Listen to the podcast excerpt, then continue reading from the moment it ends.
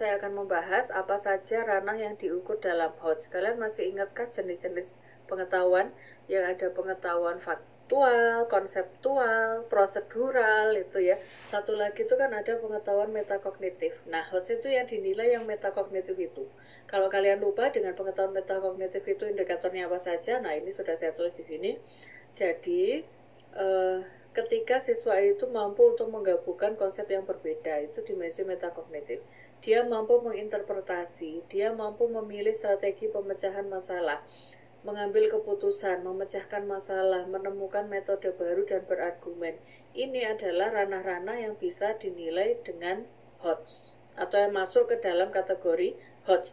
Kalau kita kaitkan dengan yang tabel C4, C5, C6 tadi, maka kemampuan menggabungkan konsep yang berbeda itu masuk ke dalam C4, menganalisis. Interpretasi ini juga masuk C4 masih ya. Memilih strategi pemecahan masalah. Nah, memilih itu menjadi salah satu kata kerja operasional di C5, mengevaluasi. Terus mengambil keputusan itu C6 memecahkan masalah C6, menemukan metode baru C6, berargumen juga C6.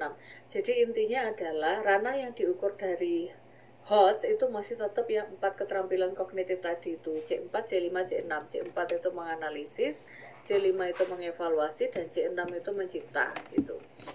Kalau berbicara dari segi jenis pengetahuannya, maka eh, apa yang ranah yang dinilai dalam HOS itu adalah ranah metakognitif yang indikatornya seperti ini.